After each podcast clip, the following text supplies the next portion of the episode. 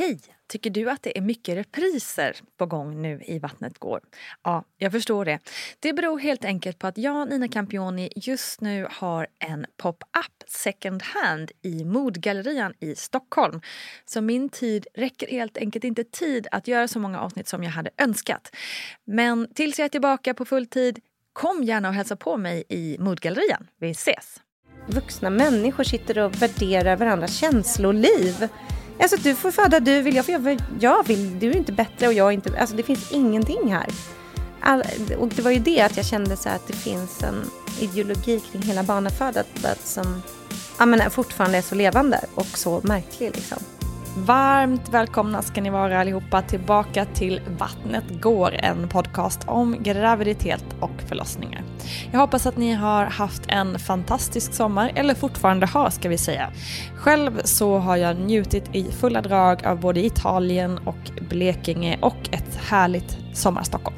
Och jag som då har njutit heter Nina Johansson och är programledare för den här podcasten. I det här avsnittet så ska vi träffa Malin Eklund. Malin har tre barn och samtliga av dem har kommit till världen genom planerade kejsarsnitt. Det beslutet blev också starten till väldigt många diskussioner för Malin eftersom det här var något som omgivningen inte hade lika enkelt att acceptera. Om det och mycket annat får du om du stannar kvar och lyssnar på Malins berättelse. Med oss i programmet har vi också som vanligt vår eminenta Gudrun Abascal från BB Sofia som kommer med lite smart input här och där. Hörni, här har ni Malin Eklund. Have catch yourself eating the same flavorless dinner three days in a row? Dreaming of something better? Well, hello fresh is your guilt free dream come true baby. It's me, Gigi Palmer. Let's wake up those taste buds with hot, juicy pecan crusted chicken or garlic butter shrimp scampi. Mm. Hello Fresh. Stop dreaming of all the delicious possibilities and dig in at HelloFresh.com. Let's get this dinner party started. Hey, it's Ryan Reynolds, and I'm here with Keith, co star of my upcoming film, If, only in theaters, May 17th. Do you want to tell people the big news? All right, I'll do it. Sign up now and you'll get unlimited for $15 a month in six months of Paramount Plus Essential Plan on us. Mintmobile.com slash switch. Upfront payment of $45 equivalent to $15 per month. Unlimited over 40 gigabytes per month. Face lower speeds. Videos at 480p. Active Mint customers by 531.24 get six months of Paramount Plus Essential Plan. Auto renews after six months. Offer ends May 31st, 2024. Separate Paramount Plus registration required. Terms and conditions apply if rated PG. One size fits all seems like a good idea for clothes until you try them on. Same goes for healthcare. That's why United Healthcare offers flexible, budget friendly coverage for medical, vision, dental, and more. Learn more at uh1.com. Quality sleep is essential. That's why the Sleep Number Smart Bed is designed for your ever evolving sleep needs. Need a bed that's firmer or softer on either side? Helps you sleep at a comfortable temperature? Sleep Number Smart Beds let you individualize your comfort so you sleep better together. JD Power ranks Sleep Number number 1 in customer satisfaction with mattresses purchased in-store. And now, save 50% on the Sleep Number limited edition Smart Bed for a limited time. For JD Power 2023 award information, visit jdpower.com/awards. Only at a Sleep Number store or sleepnumber.com. Ni har tre barn. Har alla tre varit eh, planerade?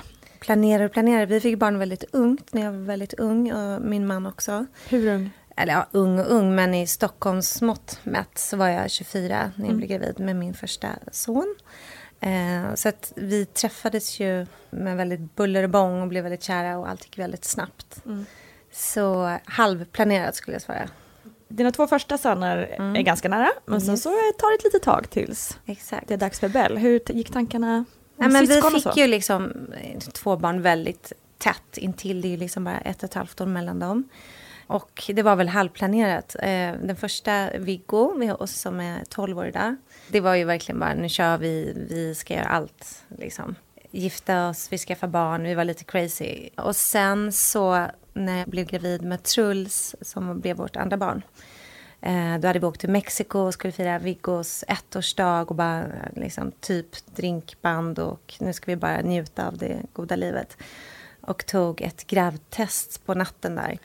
på skoj. Och så visade det sig att jag var gravid. Och Sigge skrattade hysteriskt och jag var så här, nej, nej, aha, aha. Och liksom kunde inte riktigt smälta det. Nej. Å andra sidan visste ju att det var vi och att vi ville ha barn, men kanske inte två så tätt eh, och så ungt, även om det blev väldigt bra tycker jag, att få barn ungt. Och kanske inte just när man har köpt drinkband på, i Mexiko. och Nej, det var lite så här, men gud, kunde jag inte tagit testet så dag fem i alla fall? För jag måste ha varit väldigt tidigt. Det var liksom första kvällen, och det var typ, jag hade inte ens bett om det där testet, jag hade ingen alls Varför fick ni för er att, att ta testet då? Nej, men alltså för att jag, under mina graviditeter har jag ändå varit så här, dofter var liksom, jag kunde, ja men som alla, att mitt doftsinne, så det räckte att jag hade typ sagt någonting, den här bananen luktar ju verkligen banan eller något, på flyget. Och då hade Sigge sen senare bara gått och köpt ett test, jag bara, men ta det lugnt, alltså överdrivet. Eh, och sen var det ju så. Hur gjorde ni med Viggo när ni skulle ta graviditetstest? Eh, Jag bodde ju i Göteborg, pluggade, och Sigge bodde i Stockholm. Eh, och vi träffades eh, på en fest i Stockholm och så blev vi bara tokkära. Och ett halvår senare så hade han ju flyttat till Göteborg för att jag vill inte, jag pluggade ju och hade några år kvar. Och då var det lite så här, ah, ja, blir det blir det så blir det, fast vi absolut inte hade planerat det. Jag liksom pluggade på Handels, skulle inte ha barn innan jag var 30. Hade inga vänner förutom min syrra som hade precis eh, blivit gravid och fått, eller skulle ha barn. Så när vi tog testet så var det, ja men vi tände ljus i rummet och det skulle vara så, ja men du vet, vi gjorde verkligen en big deal av det. Ja. Och sen var jag gravid eh, och det var ju fantastiskt. Samtidigt som vi behöll det lite för oss själva först för att vi kände väl att alla kommer nog döma oss att vi får barn så här lite tidigt och så. Hur var det med det då? Nej men alltså, jag drog på det väldigt länge på föreläsningar, det minns jag. Men sen alla kände ju liksom att, var jätteglada att vi hade träffats och fattade ju liksom att det här inte var på ploj utan så att jag tycker att det var underbart att vara så nyförälskad, bli gravid, köra hela den grejen som jag absolut inte trodde. Jag trodde jag skulle vänta, gifta mig och sen få barn och så. Men bara vända på det har ju, blev ju så himla bra. Vi hade väldigt mycket tid tillsammans när de var små och när de, man behöver varandra väldigt, väldigt mycket. Så vi hade några år i Göteborg när vi lekte sjukhus och bytte varannan blöja och kunde sluta tidigt på dagarna för att jag var på föreläsning och han kunde hämta. Och jag tror att det var väldigt bra för vi kom in i föräldraskapet på ett skönt sätt.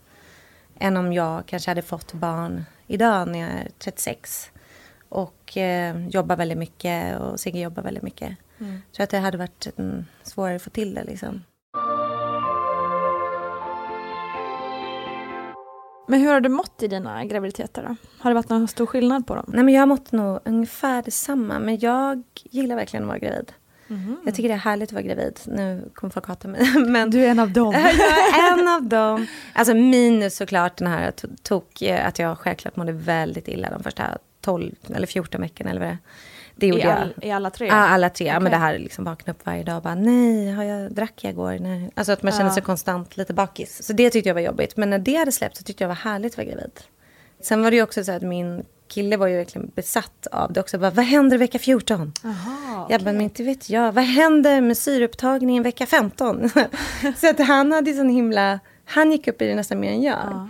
Vad Eh, härligt. ja men det var roligt. Eh, och vi hade någon så här, beställde från nätet, någon så här pregnancy journal som vi skrev i. Och, alltså jag kan skratta åt det där ganska mycket idag. För vi gick verkligen tok mycket in i det. Vi måste ha varit väldigt annoying för folk i vår omgivning.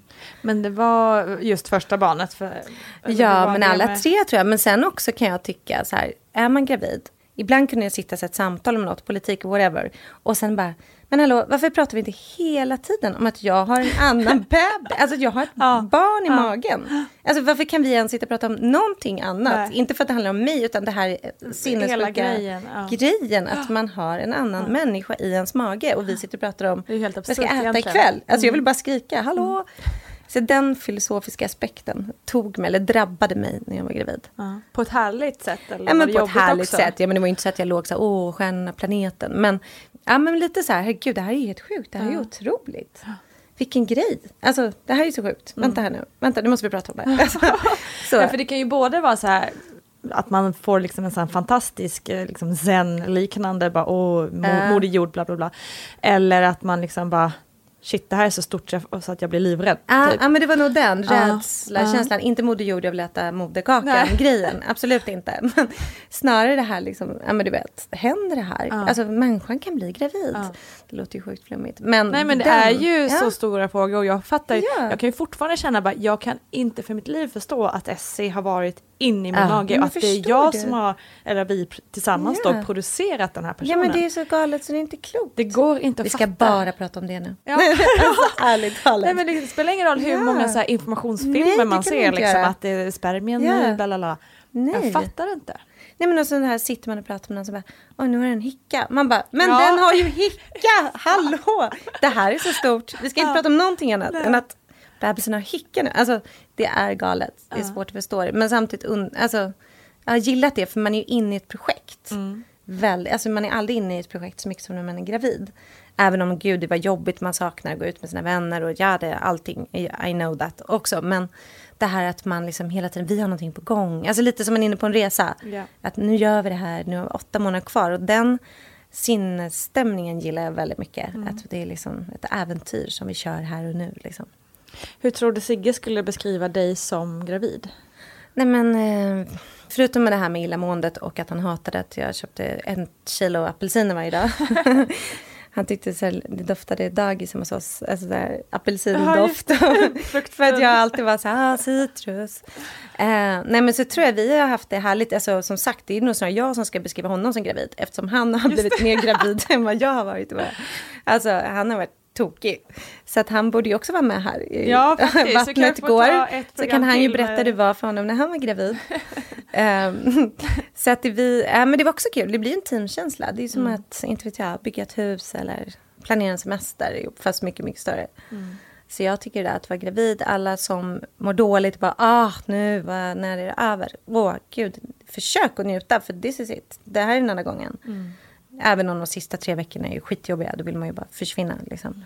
Men det kanske man bara kan njuta av när det är första barnet. För när man är gravid de andra gångerna så har man ju redan ett barn som man måste fokusera på också kanske. Ja. Men jag tyckte ändå, för jag gick över nästan två veckor och Oj. tyckte ändå att den tiden var så fruktansvärt skön. Ja, det gjorde det. Gud, För att jag bara så här, det här är sista gången i mitt Ja. liv som jag bara kan ligga platt på Ja, soffan ja. och Nej, äta men gud, du glass du och ingen stör mig. Ingen stör dig, alla bara hejar på dig. Ja. Alltså, du får göra vad du vill. Du Ja, men jag- jag att du bara- bara, jag jag tyckte det var helt magiskt. filmer. Alltså, exakt, och ingen kan får säga något. det?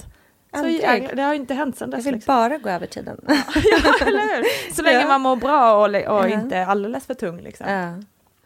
Men eh, du nämnde eh, citrus, har du haft några andra cravings? Nej, men alltså jag är ju vegetarian eller semi-vegetarian. Jag äter ju så här fisk och skaldjur, eh, Jag men inte kött. Är det det? Ja, samma. men gud vad bra. Men du började inte äta kött under graviditeten? Nej, men jag hade nog kunnat göra det för att all fisk luktade ju skit. Ja, det var ju också sjukt Så då var det bara så här, vad ska jag Ja. äta nu? Och så bara, oh, en eh, Ja, men det var cornbread. lite... Nej, men precis. Nej, men för typ alla de som mina vänner, några av mina vänner som är vegetarianer, de börjar ju äta kött under graviditeten. Bara, ah, kött. Ja. Så jag känner mig, nu är jag ensam kvar, ensam vegetarian.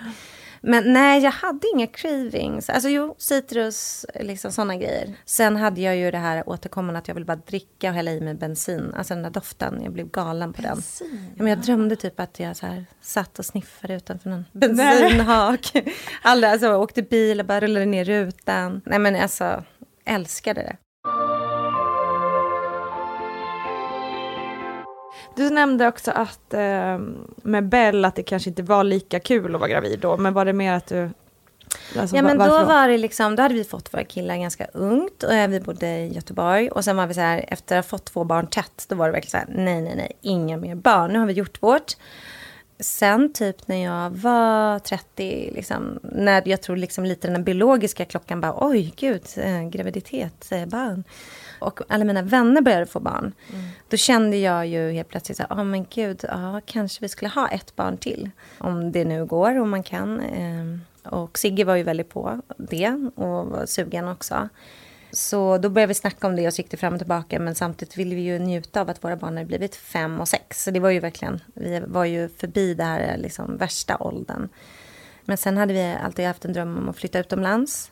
Och varit sugna på att flytta till LA. Och i den vevan hade vi det så i våra jobb att vi kände att men nu finns det faktiskt en lucka här. Så efter några månader blev vi gravida och bestämde att vi skulle flytta till LA just när typ jag var i sjätte, sjunde månaden. Så vi flyttade ju när jag var gravid dit. För att, eh, ja, ett äventyr att kunna vara mammaledig i LA liksom, Mm, och se vad som verkligen. hände sådär. Så det var ett väldigt bra beslut, även om min mamma bara, va, ni kan ju inte flytta, du är Nej. gravid, du har två barn, vad tänker ni med? Alltså så. Så att det var ju galet tufft i början, men eh, det gick ju bra liksom. Men var det någon skillnad eh, i att vara gravid i Sverige och gravid i USA? Rent? Ja, men för det första bara att inte dra vagn i Vasaparken. S- snö, man går med en så här snorig liten näsa och fryser och letar på något café och går så här, försöker hitta folk men ändå inte orkar vara social med folk man inte känner. Så att jag, det var väldigt skönt på så sätt att komma dit. För folk är så tok sociala med folk som är gravida och har barn. Eh, jag minns att vi var på någon, precis när vi flyttade dit, jag var kanske sjätte månaden och stod i matkön och skulle bara köpa lite frukt, säkert eh, apelsiner. och då var det en, typ en man i ja, 30-40-årsåldern som bara, ah men gud, is it a boy or a girl? Och, Is it your first? Och jag bara, men gud, vad är det han stöter på mig? Ser han inte att jag är gravid? Ja. Och sen bara, dagen därpå när jag kom tillbaka så var det någon annan som typ också frågade. Då insåg jag, ah, men, aha, men det, alltså, var bara här trevliga. pratar man, Mm. här tar man på magen, här är man bara liksom. Det, hela tiden fick man ju prata om det, vilket var ganska skönt för här blir folk så här förnärmade om man lägger händerna på ens mage, vilket jag kan förstå. Men där var ju bara så här, det är bara Det är en del av suck it den up och vara med. Här, Ja. öppnar upp tröjan och bara känn här. Titta in under. ja, Gick du då på någon slags motsvarighet till eh, mödravårdscentral och så är där eller? Ja, men vi bodde ju i Los Feliz eh, och sen hade jag fått via vänner i LA tips om en superkarismatisk läkare som bodde uppe i Hillsen typ. Så han hade mm, sin klinik i Beverly Hills, så det var ju verkligen speciellt att kliva in där från svenska så här, mödravården till komma in i de väntrummen. Så att jag och Sigge satt ju mest och bara tittade på alla. Och liksom, Ja. Där är ju så att där följer ju den läkaren som man träffar på MVC en hela vägen fram och också förlösaren. Så det var ju väldigt speciellt att man verkligen fick en jättenära relation. Man träffade samma varje gång och sådär. Så det var ju en upplevelse. Samtidigt som att man kände att det var liksom så här, i väntrummet var det så här belly band, liksom så här i Sverige kanske man så får viska typ. På, ah, men kan man köpa någonting? Eller liksom, och där var det så här, här, när du är klar med graviditet, glöm inte bellyband på förlossningen. Att man liksom ska ha sånt där um, Mm som snärar åt så att man får tillbaka sin kropp väldigt snabbt redan på BB. Så det var ju väldigt mycket sådana tips och råd om utseende där. På ett helt annat sätt än vad det är här. Liksom. Var det något annat sådär som skilde rent, eh, ja vad man får för råd och vad man får göra och inte får göra när man är Ja, men man får ju köra ultraljud hur mycket man vill. Nej men typ, nej men allt handlar ju också om att de bara, vill ni ha ett ultraljud idag igen? Då kan vi göra det. Såklart, för man betalar ju. Mm. Så det är en helt annan liksom, grej. Då blev man ju sugen, så vi gjorde sjukt mycket ultraljud. men så hade, tog vi med våra killar när vi skulle ta reda på könet. Eh, för då hade vi ju fått två killar. Och sen så sa vi så här, men gud, det är ju fint att de får vara med och se 3D-ultraljud. För där var ju liksom high tech eller 4D eller vad det är. Så vi kom in och då var pojkarna med och vi tänkte liksom det här kommer bli en fantastiskt vacker stund. De får höra is it a boy or a girl och se bebisen liksom. Och sen sätter han på maskinen och jag håller min yngsta då Truls i handen, han är sex då. Och så kollar vi på skärmen och Truls börjar ju storböla. Det är det läskigaste det han har sett. Ja. Och det ser ju så verkligt ut. Har du Ja, sett ja. sånt? Ja, jag har sett, fast bara på bild. Ja. Nej men det är ju typ så här. Och då, det var inte vi heller beredda på. Så samtidigt som han bara, it's a girl och vi bara, what is alien, it? liksom. Ja, så var de bara, "Wow, vad är det här? Vad ligger där i din kropp? Och bara grät. Och Sigge fick springa efter och Viggo gick ut. Och, alltså det blev så ett kaos där liksom. Inte den romantiskt Nej, fina det var stunden. inte alls den här fina stunden. Nej. Kollade du könet eller? Ja, det gjorde vi. Det var så roligt för hon bara, eh, jo men det är en tjej och vi bara, ja, och då hade vi ju ändå hört att Ja. man, man vet inte säkert liksom Nej. så här, såklart. Vi bara, men, ja men hur säker kan du vara? Och hon bara, jo alltså hon sitter typ på kam där jag tar bilden så att man Jaha. ser liksom hela så här, man, det kan, liksom, man bara, ja, Underlivsselfie. exakt, verkligen. Så, bara, så det var väldigt tydligt. Ja. Ja, men det här med att man eh, redan från början under graviditeten får tänka på det här med ytan som, Ja, som det här ja. i LA. Hur satte det några så här hjärnspöken hos dig? Ja, men man, har ju, man vet ju ungefär, man följer ju folk som är gravida ungefär samma vecka. Så det var ju lite så här, ja men this is how she looked. Ja, men alltså man kollar deras kläder och lite så här, eh, folk som är samma vecka. Och där är de ju helt brutala. Liksom. Kolla hennes eh, liksom, svällande vrister hon har i fötterna nu när hon är gravid. Och hur ska det här gå? Kommer hon hinna gå ner i vikt? Och nu har hon gått ner i vikt. Det har gått fyra veckor. Alltså det är Ja. hela tiden så här innan. Ska de gå upp i vikt? Och sen har de gått upp i vikt. Så bara, hur ska de gå ner i vikt?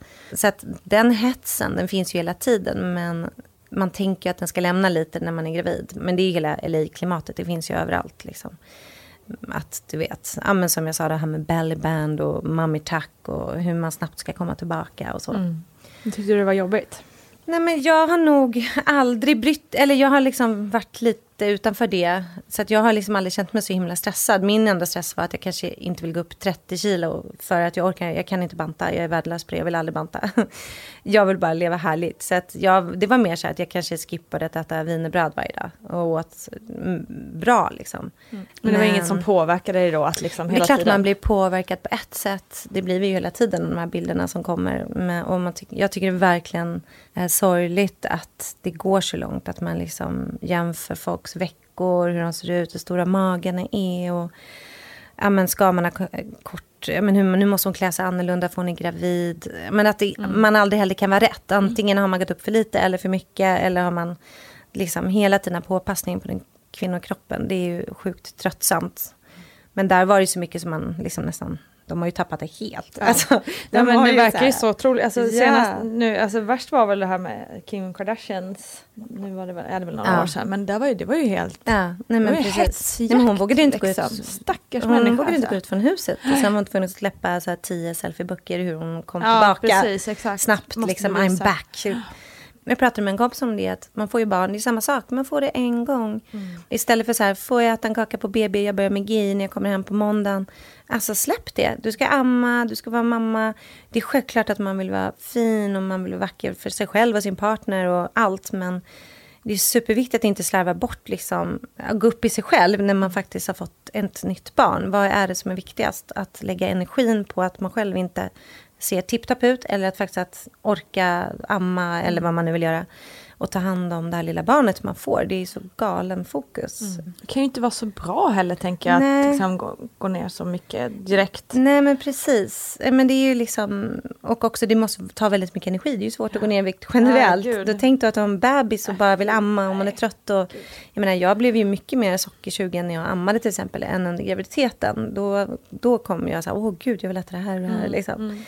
Och då att tvinga sig själv att inte göra det, det känns ju helt insane. Eh, Så.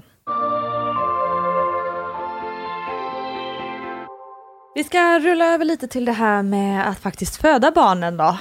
Ja. och du bestämde dig tidigt för kejsarsnitt, eller hur? Ja, som sagt, jag var ju ganska ung när jag fick eh, Viggo, mitt första barn, en väntade barn. Och då pluggade jag till jurist eh, i Göteborg just då. Eh, samtidigt så hade min syster fått eh, en dotter precis. Och hennes dotter låg i sätesbjudning. Så när jag var gravid så fick min syster då planera ett kejsarsnitt. För att hon inte kunde föda det eftersom hon låg upp och ner.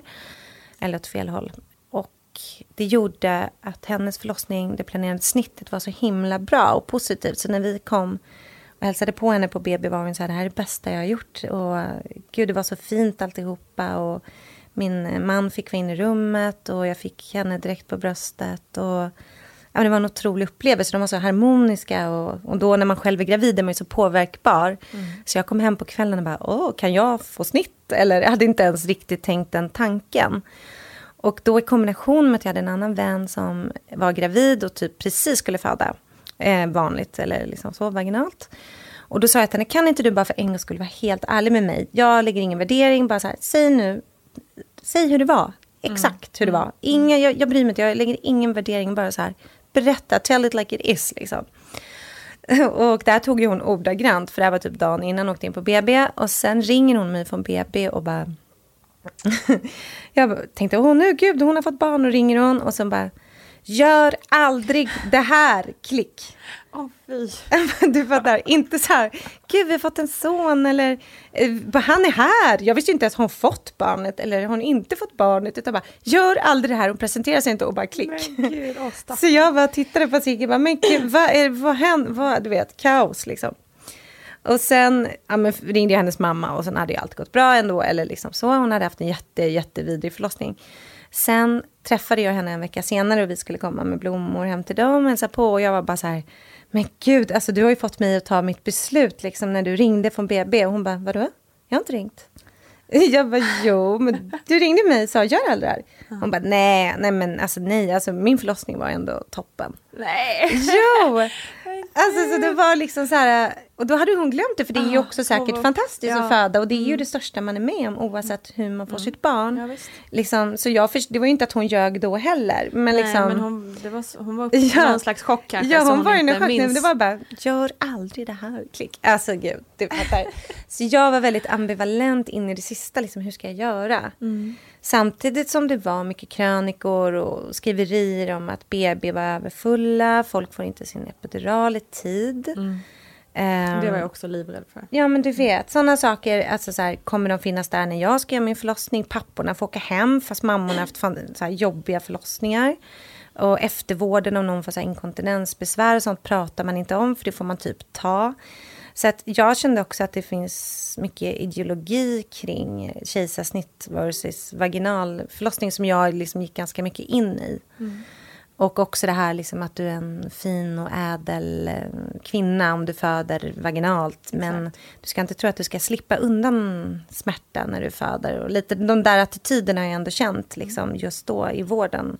Och från alltså, kvinnor i min närhet och mammor och inte min mamma specifikt men väninnor till henne som bara, aha, liksom så. Att man ska känna sig nästan lite som en dålig mamma. Som. Ja, men och lite vet. mesig typ. Ja, men lite mes och lite så här kontrollfreak eller typ lite så här Victoria Beckham, The Push stod ju när hon valde kejsarsnitt. Att man lägger en värdering att man är lite så här fin i kanten eller ytlig. Och det blir jag tokig på. För att än en gång, det är ju så så här, det är det största du ska vara med om. Varför ska du inte vara en del av det beslutet? Och varför ska du bara acceptera att samhället lägger på dig attityder eller om hur man ska vara även som mamma, även när man föder. Liksom. Det är ju galet. Lika galet som att man hetsbantar och ska prata om kvinnokroppen tycker jag det är att, alltså, att man ska lägga en värdering hur jag är som mamma redan innan jag blir mamma. För hur jag väljer att föda. Så det blev en ganska liksom, så här, politisk fråga för mig också på ett sätt. Ett ställningstagande. Men jag var inte säker på det för jag var också sugen på att föda vaginalt. Jag var inte jätterädd. Så det blev en ganska svår krock att förklara och få det här snittet som sen blev. Vad vad var det som fick dig till slut att bestämma dig då? Att nu jag går jag den här vägen. Ja, men det var nog lite så här att jag har rätt att göra det här i kombination med att jag var ju förlossningsrädd. Alltså jag var ju lite förlossningsrädd. Och att jag var också rädd att liksom, men tänk om mitt barn får syrebrist eller tänk om jag får förlossningsskador. Tänk om min, jag blir så här akut nedkövd och missar min förlossning. Så att det var nog en kombination av de sakerna plus min vän som bara, gör aldrig det här. Och att jag hade hört så mycket positivt om det. Som jag till slut tog beslutet. Men kvällen innan då, då bestämde vi oss, okej vi gör planerat snitt och jag fick tjata väldigt mycket för att få det. Och sen fick jag min tid och sen kvällen innan ringde min mamma mig som har fått oss fyra, jag har tre syskon på naturlig väg och älskar att föda och bara, är du säker på det här nu Malin? Alltså så. Och det var jag ju inte. Nej, Liksom. och när ens mamma ställer en sån fråga då vacklar man ju lätt. Åh gud, nej men sluta. Ja. Ja, och sen blev det snitt. Får bara Mm. backa där också. Hur var det då? Du säger att du fick ju kämpa lite för att, eh, för att få igenom det. Hur, Ja, men då fick jag ju välja. Så här, ska jag liksom typ lura vården och säga så här, jag är så rädd att jag absolut inte vågar. Eller ska jag göra det som ett ställningstagande? Jag har rätt faktiskt att välja min förlossning. Så att jag gick väl någon mellanväg och sa så här att ja, men jag vill jättegärna, jag har planerat snitt. Jag kanske inte har någon medicinsk orsak, men nu har jag valt det här för jag känner att det är rätt för mig. Och jag har pratat med läkare och de säger att det är liksom är absolut inte mer farligt för barnet eller för dig på något sätt. Det är bara olika liksom. Och då blev ju såklart den här kvinnan på andra sidan, hon höll ju på att ramla av stolen.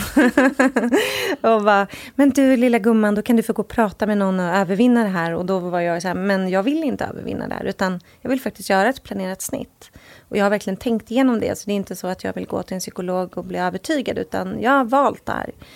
Så det var ju några turer där fram och tillbaka. Till jag fick snittet liksom. Och då hade jag en underbar liksom, läkare som sa så att du ska inte vara orolig utan många eh, graviditeter när det är risk, även graviditeter gör man det för det är väldigt säkert. Så att på ett annat sätt. Så så blev det. Sen eh, liksom, när jag var på väg, då när vi morgonen när man kommer in och ska tvätta av sig och liksom låg och väntade i den här salen på att de skulle komma och hämta en. Då var jag, och de sa så här, Malin, nu är det dags, nu kan du lägga det här på britsen. Alltså då tittar jag på Sigge och bara, alltså vad fan har jag gjort? Mm. Nej men gud, nej, stoppa bröstarna. Alltså så här, jag vill, vad, vadå operation? Vad snackar ni om? Mm. Och då var jag lite så här, men gud jag är helt galen. Alltså kan jag ångra mig nu? Då kände jag, varför ska jag hålla på och strula grejer? Men var det liksom just att det var en operation eller var det mer det här som nästan alla känner, bara nej, nej, låt barnet ja, vara inne kvar, jag vill inte. Ja, men bara så här, men gud vad galet, vadå, nu ska du på operation, vad snackar du om? Alltså då tog jag väl in det jag så här rationellt hade planerat, jag tyckte det var så smart, jag hade teorier och eh, kvinnans rättigheter och jada jada. Helt plötsligt drabbade det nog mig ja. när jag låg i den där och bara, men gud, det är ändå en stor grej. Mm. Och, eh, det är inte alls så att jag är emot vaginal förlossning, utan jag har massa vänner som har fött och haft fantastiska förlossningar som jag också kan vara avundsjuk på. Så att jag tror allt drabbade mig i en och samma sekund samtidigt som det klampar in liksom åtta personer i gummistövlar. Ja, det kan ju skrämma vem som helst. Um, men det, trots att du kände så där inför mm. din första eh, kejsarsnitt så har du ju valt att göra det även med de andra två. Ja, men precis. Så att snittet för mig var en väldigt positiv upplevelse. Man är vaken hela tiden. Sigge var ju med i rummet och liksom satt eh, precis vid mitt huvud. Så jag höll i honom och man ser ju ingenting. Man vet ju vad som händer och man känner ju ingenting. Så man, har ju inte, man får ju barn utan smärta helt. Mm. Det är klart man känner att de gör någonting. Men, och det kan ju kännas obehagligt. Det var inte så att jag låg där och bara, åh gud vad härligt det här är. Men det var ju ändå en pirrig, alltså det här är förlossningen av mitt barn, eller vårt barn. Jag kan ju tänka tillbaka på det lika mycket som jag tror andra tänker tillbaka på sin förlossning. Och bara, men gud, det här hände och gud, mm. berätta, vad hände då? Liksom. Om man är rädd för förlossning helt enkelt, vad ska man göra då tycker du? Ja, det är ju då att berätta det för sin barnmorska på barnmorskemottagningen. Få träffa en barnmorska och en läkare så man får komma på samtal och berätta om sin rädsla och se kan vi på något sätt möta den här kvinnan så att hon kan tänka sig att föda den vanliga vägen utan rädsla. För vi kan ju göra en hel del, allt ifrån när det gäller Ofta kan det vara smärtan, känslan av kontroll och där kan vi genom samtalen visa att det här kan vi faktiskt hjälpa till med så att, du, så att kvinnan kan. Och samtidigt så tycker jag är det så att kvinnan kvarstår att absolut nej, jag, det går inte, jag får panik när jag tänker. Så tycker jag att man ska ge kvinnan den möjligheten att kejsarsnitt ska inte vara omöjligt. Men däremot så måste vi förstå och att verkligen ha förklarat för och nackdelar både med kejsarsnittet också så att man, vi inte efteråt, men det berättade ni ju aldrig att det kunde bli på det här viset.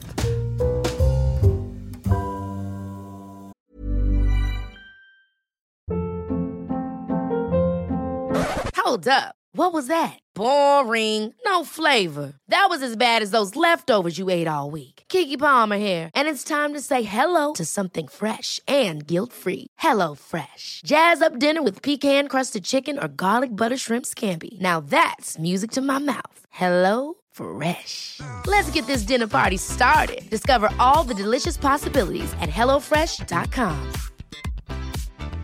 Quality sleep is essential. That's why the Sleep Number Smart Bed is designed for your ever-evolving sleep needs. Need a bed that's firmer or softer on either side? Helps you sleep at a comfortable temperature? Sleep Number Smart Beds let you individualize your comfort so you sleep better together. JD Power ranks Sleep Number number 1 in customer satisfaction with mattresses purchased in-store. And now, save 50% on the Sleep Number limited edition Smart Bed for a limited time. For JD Power 2023 award information, visit jdpower.com/awards. Only at a Sleep Number store or sleepnumber.com. Hey Dave. Yeah, Randy. Since we founded Bombus, we've always said our socks, underwear, and t-shirts are super soft. Any new ideas? Maybe sublimely soft or disgustingly cozy. Wait, what? I got it. Bombas. Absurdly comfortable essentials for yourself and for those facing homelessness. Because one purchased equals one donated. Wow, did we just write an ad? Yes. Bombas. Big comfort for everyone. Go to bombas.com slash ACAST and use code ACAST for 20% off your first purchase. Hiring for your small business? If you're not looking for professionals on LinkedIn, you're looking in the wrong place. That's like looking for your car keys in a fish tank. LinkedIn helps you hire professionals you can't find anywhere else, even those who aren't actively searching for a new job but might be open to the perfect role. In a given month, over 70% of LinkedIn users don't even visit other leading job sites. So start looking in the right place. With LinkedIn, you can hire professionals like a professional. Post your free job on linkedin.com slash achieve today. One size fits all seems like a good idea for clothes until you try them on. Same goes for healthcare. That's why United Healthcare offers flexible, budget friendly coverage for medical, vision, dental, and more. Learn more at uh1.com. Så vad händer då när de, de kommer in och ska hämta dig helt enkelt i, Ja. i ditt rum? Vad händer sen? Ja, okej. Jag rullas in då. De sa så här, nu är det dags. Och jag fick alla de här overklighetskänslorna. Jag blir lagd, eller då får man en epidural för man ska bli bedövad på underdelen av kroppen. Och det gick ju bra för jag hade ju läst om det här liksom.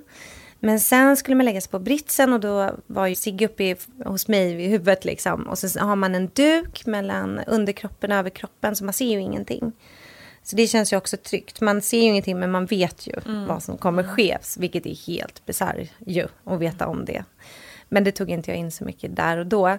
Men då sa jag till Sigge så här, nu måste du säga till i varje steg som sker. Eh, om, om det är något som händer, du måste liksom, du är min källa här inne. Han bara, ja, ja, ja, gud, gud. Och sen så helt plötsligt så kändes det som hela pritsen lutade.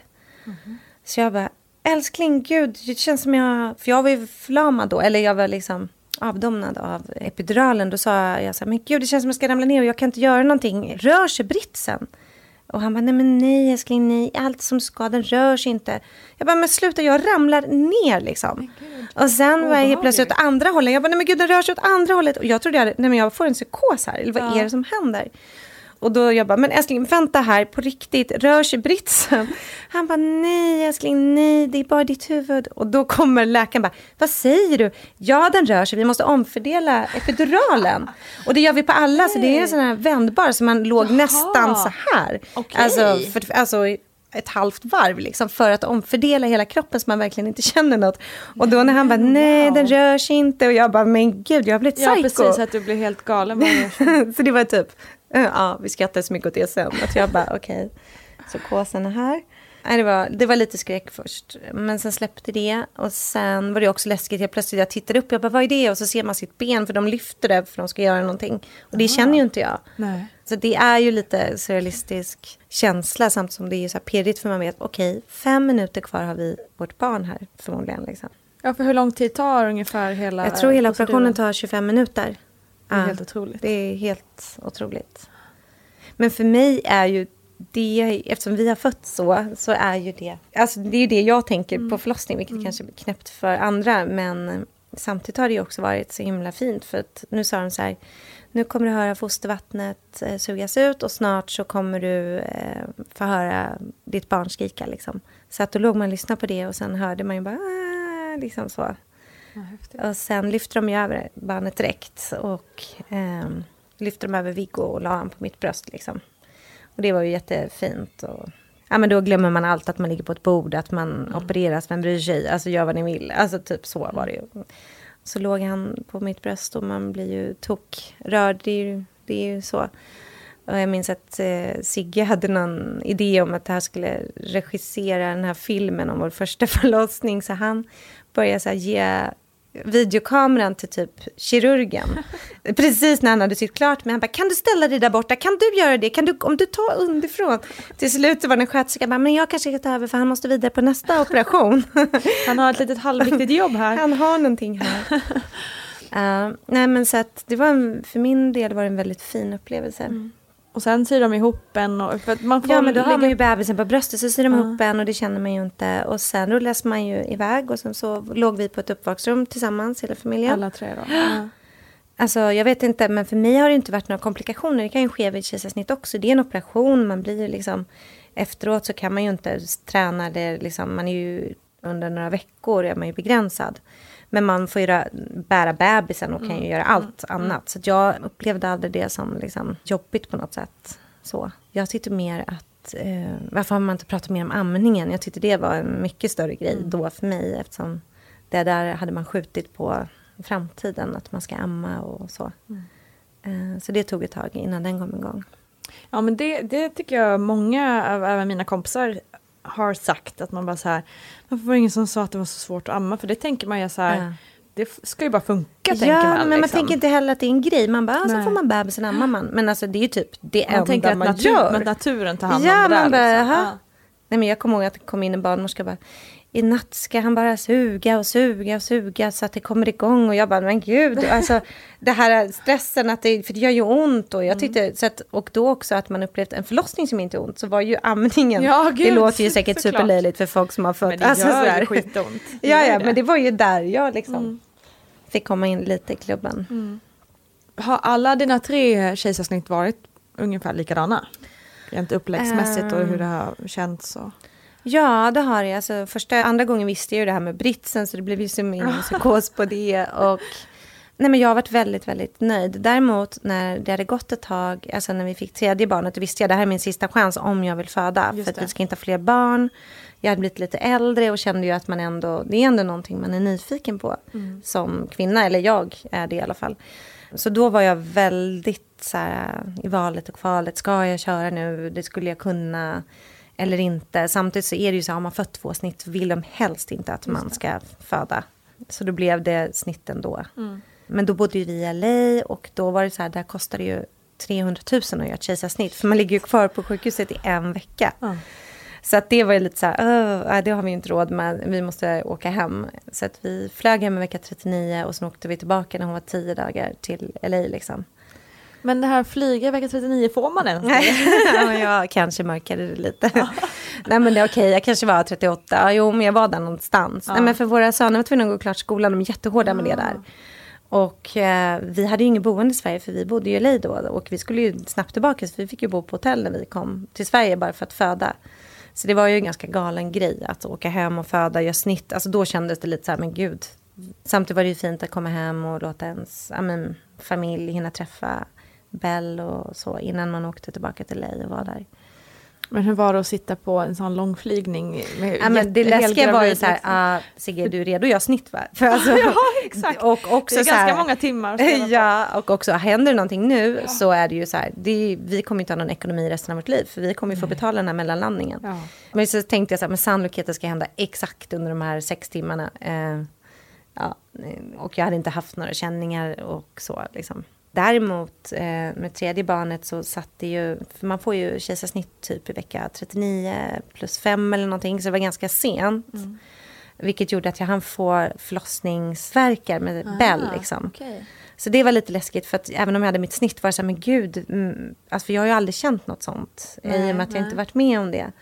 Så det var lite en konstig känsla. Men då hade jag snittet på morgonen så jag hann liksom stanna upp. Men det var ändå lite så här, jag hann känna så här, åh gud, är det här ens en bråkdel av vad det är liksom? Ja, precis. Uh, I don't know. Du var ganska glad att jag var med kejsarsnitt. Ja. Samtidigt tycker jag det är tråkigt för jag vill heller inte så här... äh, Jag kan också bli ledsen att vissa blir provocerade av det. Mm. Idag tycker jag inte det är så. Det är en helt annan attityd mot när jag fick Bell. Men att, för jag tycker att nu är folk mycket mer så här, men du väljer det du gör själv. Det finns inte att du är en bättre mamma eller person för att du väljer att föda vaginalt eller kejsarsnitt. Men det har ju verkligen varit så. Så att jag har ju liksom inte, ibland har inte jag orkat gå in i den. Ah, men varför har det varit kejsarsnitt? Ibland har jag varit så här, ah, men av medicinska skäl. Alltså för jag Bara orkar inte slippa ta alltid ta diskussionen. diskussionen. Nej. liksom. Nej, för du fick ta den ganska rejält. där, Ja, eh, verkligen. Det i var ju många som var så här, men gud varför gör du det här? Och nu ska du inte vara så pjoskig och herregud, alla har fått barn i alla tider. Och det är ju inte att jag inte tror, jag kan ju vara avundsjuk på folk som har fött vaginalt och liksom, åh vattnet går, Nej, som den här podden heter. jag har alltid velat säga det. så här, Ja. Vattnet går, nej men du Ja. vet så här, hela den resan och alltså jag vet inte, men och många som berättar efteråt vilken jäkla kick det är och hur upplyfta de blev av det. Och jag tror verkligen att jag också har missat något. Det Mm. tror jag. Samtidigt som mina förlossningar var ju min kick. Och min upplevelse. Så att, Det är en ganska viktig poäng tror jag, för jag tror att många, eh, faktiskt typ lite inklusive mig själv, så här, inte fattar riktigt att även om man gör kejsarsnitt så är det en förlossning. Liksom. Ja, det är det är ändå klart. en, en det är första gången du får träffa det är sam- ditt barn. Precis. Det är liksom det, första, det största du är med om hela ditt liv. Ja. Har man inte gjort det på något annat sätt är det här ju din förlossning. Exakt. Och jag menar, jag var ju också lite så här, vem vet, jag kanske får 20 timmars helvetesförlossning, alltså där jag mår jättedåligt, så får jag ändå planera, alltså akutsnitt som många av mina Precis. vänner liksom, det var ju min största fått. rädsla. Att Ja, det skulle bli. Mm. och så missar man det ändå. Liksom, så att Men det är också så här, för nu har ju du då istället tre väldigt positiva upplevelser. Ja, istället för att, eh, som i mitt fall, så har jag ju liksom Mm, än idag jobb, jobbigt Ja. när jag tänker på det. Ja. Liksom, och det är inte så jävla kul att ha det resten av Nej. sitt liv. Nej. Även om det var, nu har det, har det gått ett tag så jag kan ju ändå se det som en så här upplevelse som jag kanske ändå vill ha på något vis. Men Ja. det en sån här konstig Ja, känsla för det är ändå inför då det. du har Liksom. fått ditt barn. Nej, men det, är det, Precis. det kände jag när jag kom tillbaka. Vi gick i föräldragrupp och då var vi redan yngst liksom, i den. Och då att jag också skulle planera ett snitt, det var ju också lite så här, hallå, vilka är de där freaksen Mm. liksom.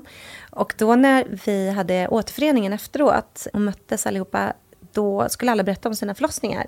Och då kände jag faktiskt, var tredje hade jag haft det sjukt jobbigt. Någon sa så här, jag väljer här idag, jag vill inte berätta om min förlossning för jag har inte kommit över den än. Nej. Och då kände jag så här, okej Malin är det din tur. Då kände jag mig som så här, ja men det var ju en fantastisk upplevelse. Alltså, så då kände jag, nej men nu kan inte jag berätta att jag bara älskade det här med snittet. Nu måste jag, nu måste jag hitta på här.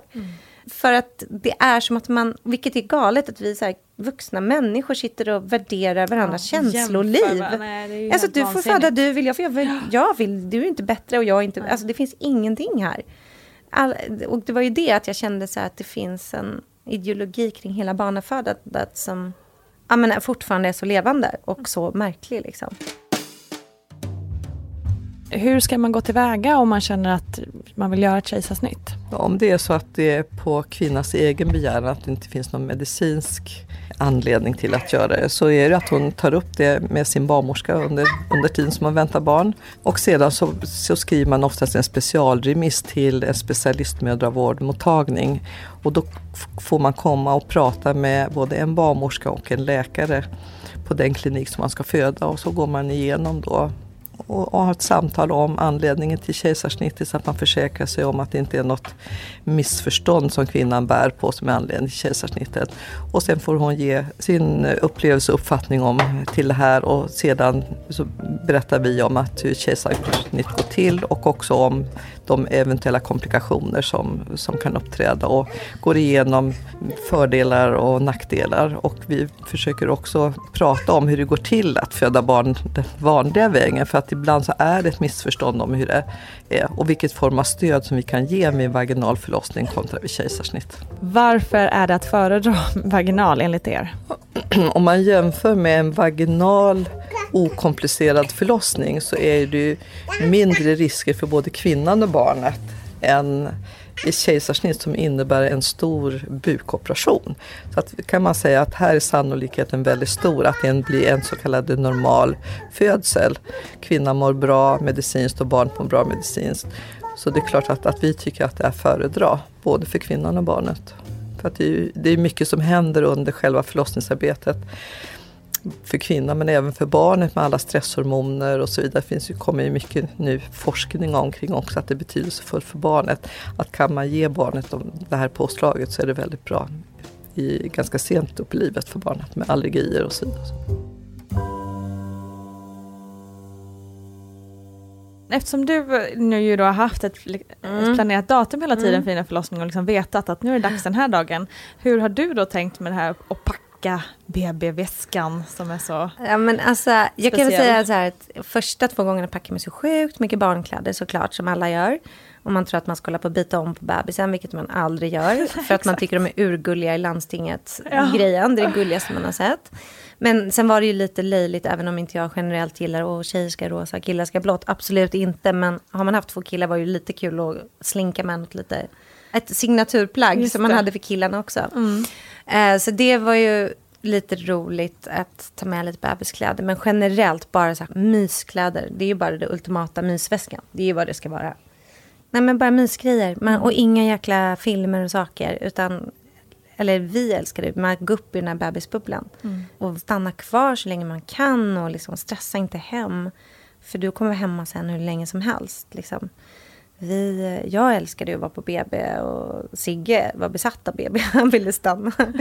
Eh, jag hade faktiskt en rolig grej att när vi fick Viggo, vårt första barn, så gick vi så mycket upp i det såklart, som alla gör. Så vi sitter, jag sitter och ammar i något slags sällskapsrum. Och då sitter ett annat par där och det är lite så här trevande konversation och de har också fått sitt barn natten innan. Och så säger ja, min man då, ah, men alltså, man älskar ju bebisen så mycket så man vill äta upp det här bäcket, alltså barnbajset som är det första bajset. Och jag bara, ah, nej, han säger inte det här. Jo, det gör han. Och då ser man den andra pappan bara, vad menar du?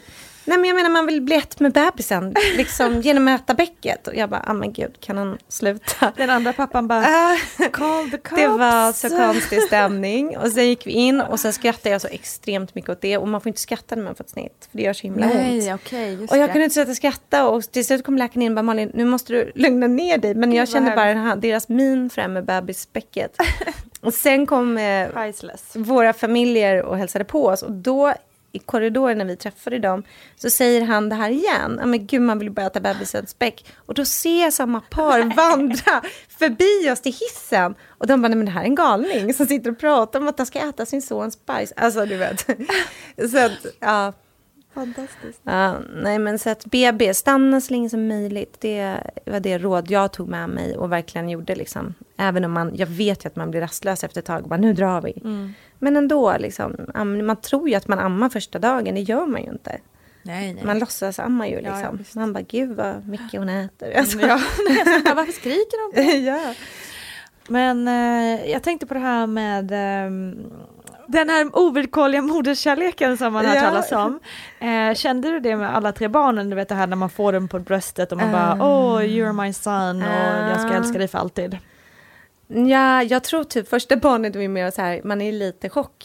Jag var fortfarande väldigt nyfiken på, ja men hur reagerar min partner och liksom så. Men visst, jo jag kände det, alltså det gjorde jag. Man blir ju helt betagen, man bara tittar på den, man dör ju liksom, vad är det här?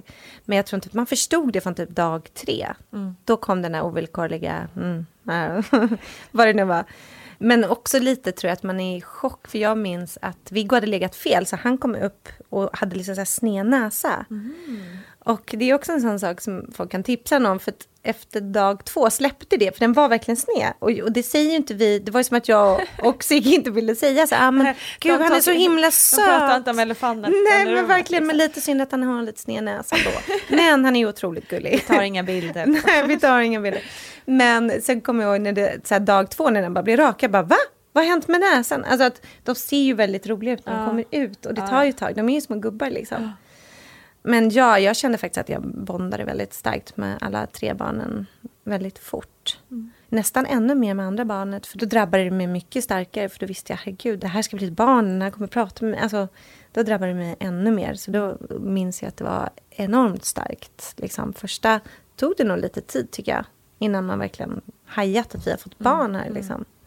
Fick du den? Kände du den Nej, direkt? för mig tog det tid. Ja. Ehm, upp till så- alltså, flera veckor. Jag. Så, alltså, tills det kom, och, och jag tycker nästan att det fortfarande växer lite för gud, varje ja. dag Men nästan. det tycker jag det gör.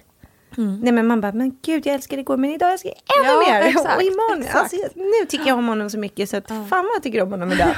Nej men det är ju inte märkligt, alltså egentligen att det är så. Men jag, jag kände precis när de kom ut att jag fick den här totala lyckoruset och kärleken. Men sen att man ändå behöver ju alltså, fatta det här liksom. Precis. Och det, det tar ju sin tid. Vad skulle du vilja säga till den som funderar på att göra ett kejsarsnitt idag? Ja, men lyssna till en själv, vad man är för person. Och om du är sugen på ett kejsarsnitt, ta reda på så mycket som möjligt. Träffa läkare, bry dig inte vad andra säger alls. Utan, och liksom även för vaginal förlossning, ta reda på så mycket du kan. Liksom. Och sen får man ju bara känna vad man tror skulle passa en själv bäst. Liksom. För det är ändå en möjlighet att bestämma lite grann. Sen kan man aldrig veta. Men lite grann hur ens egen förlossning, hur man vill ha det. Det är ändå det största beslutet man gör i hela sitt liv. Och för mig att känna att jag har en så bra start med mina barn, att jag inte, det inte kom genom trauma eller att jag låg och, alltså så för mig har det varit, jag tror att det har varit en väldigt bra start för mig att bli mamma på. Och det var nog därför jag valde det igen. Så jag tycker att snitt passar vissa och andra inte. Men ändå, om man är sugen på det, inte vara rädd för det och känna sig annorlunda. För att det är ändå du som bestämmer. Och du har rätt att bestämma också. Vad vet du idag som du inte visste innan du blev gravid så att säga? Back in the days. Det är ju, Nu har det ju gått några år. att jag är bensinsniffare. Just det. Eh, ja, vad vet jag idag? Att allt löser sig med barn. Alltså att man har ingen aning om hur. Men alla jävla ångest man har haft för nätter. Ska de sova? Ska de klara det här? Kommer de få vänner? Kommer vi fungera? Liksom allt. det kommer det om man bara kör. Att det finns inget rätt och fel. För att jag vet ju vad mina barn mår bäst av. För man är bästa mamman till sitt eget barn. Och det är en klyscha, men jag tycker verkligen det stämmer så himla bra. Att det som funkar för mig kanske inte alls funkar för min polares barn. Och det betyder inte att... Alltså därför inte jag så, jag tycker inte så mycket om att ge råd till andra mammor. För att det kanske inte funkar på mitt barn och vice versa. Och så tänker man, men gud, nu ska den här femminutersmetoden funka. Och så stressar man upp sig. Och nej, men då kanske ditt barn bara vill ligga kvar i den där sängen ett tag eller vad det kan vara. Och inte, inte skåsa upp sig för mycket för allt går i perioder. Och att inte glömma att man är tvående. Att föräldraskapet är så himla viktigt. Jag tror att när man har tre barn, liksom, att känna att det här är inte mitt projekt, det här är vårt projekt. Eller om man är ensamstående. Men om man har en partner, att verkligen inte gå in i moderskapet och föräldraskapet själv, utan verkligen lämna över lika mycket till eh, pappan. För att han är minst lika viktig. Och gör det tidigt, inte när de är två och kan börja spela lite fotboll ihop. Utan Ja, så, liksom, var med från början. För annars tror jag att det blir lätt att man ja, blir arga på varandra. Och lever i två olika världar på något sätt. Och sen att det är kul med barn. Så jäkla kul. och så jäkla jobbigt. Ja, det där var alltså Malin Eklund och verkligen för att du ville berätta om dina graviditeter och förlossningar här i podden. Men också tack för att du står upp för kampen för allas rätt att själv bestämma hur man vill föra fram sina barn till världen. Okej, hörni, nästa avsnitt blir spännande för då har jag faktiskt två fantastiska mammor i studion. Inga mindre än Therese Krupa och Sofia Falk som också är kända genom bloggen Hormoner och hemorrojder. Och som vanligt när de två är i farten så blir det så att säga noll filter, så missa inte det. Eh, och på tal om noll filter, följ gärna med Vattnet går även på Instagram. För där får vi också möjligheten att snacka om graviditet och förlossningar ihop, ni som lyssnar och jag. Det tänkte jag kunde vara lite kul. Så välkomna dit och välkomna tillbaka hit till podden såklart. Ha det så himla fint så länge. Hej då! Hacka hackspett där. och så, så hör jag det. Bara, bara, bara, bara, ja, bara, ja, pappa. Och så bara, varför hacka hackspett där? Till slut så är det bara någon som tar den där masken ifrån och bara, Therese, Therese. Och jag bara, ja. Och då säger faktiskt en barnmorska, hon bara, jag tycker att vi ska sätta in någon annan smärtlindring. Jag bara, gör, hon bara, känner du inför epidural? Jag bara, gör vad ni vill. Och då tror jag att jag öppnade 6-7 centimeter. Producerat av Perfect Day Media. Ever catch yourself eating the same flavorless dinner three days in a row? Dreaming of something better? Well, HelloFresh is your guilt-free dream come true, baby. It's me, Kiki Palmer. Let's wake up those taste buds with hot, juicy pecan-crusted chicken or garlic butter shrimp scampi. Mm. Hello Fresh. Stop dreaming of all the delicious possibilities and dig in at HelloFresh.com. Let's get this dinner party started. Even when we're on a budget, we still deserve nice things. Quince is a place to scoop up stunning high-end goods for 50 to 80% less than similar brands. They have buttery soft cashmere sweaters starting at $50, luxurious Italian leather bags, and so much more. Plus, Quince only works with factories that use safe, ethical, and responsible manufacturing. Get the high-end goods you'll love without the high price tag with Quince. Go to quince.com slash style for free shipping and 365-day returns. Imagine the softest sheets you've ever felt. Now imagine them getting even softer over time. That's what you'll feel with Bowl and Branch's organic cotton sheets. In a recent customer survey, 96% replied that Bowl and Branch sheets get softer with every wash. Start getting your best night's sleep in these sheets that get softer and softer for years to come. Try their sheets with a 30-night guarantee. Plus, get 15% off your first order at bowlandbranch.com. Code BUTTERY. Exclusions apply. See site for details. Hi, I'm Daniel, founder of Pretty Litter. Cats and cat owners deserve better than any old fashioned litter. That's why I teamed up with scientists and veterinarians to create Pretty Litter. Its innovative crystal formula has superior odor control and weighs up to 80% less than clay litter. Pretty Litter even monitors health by changing colors to help detect early signs of potential illness. It's the world's smartest kitty litter.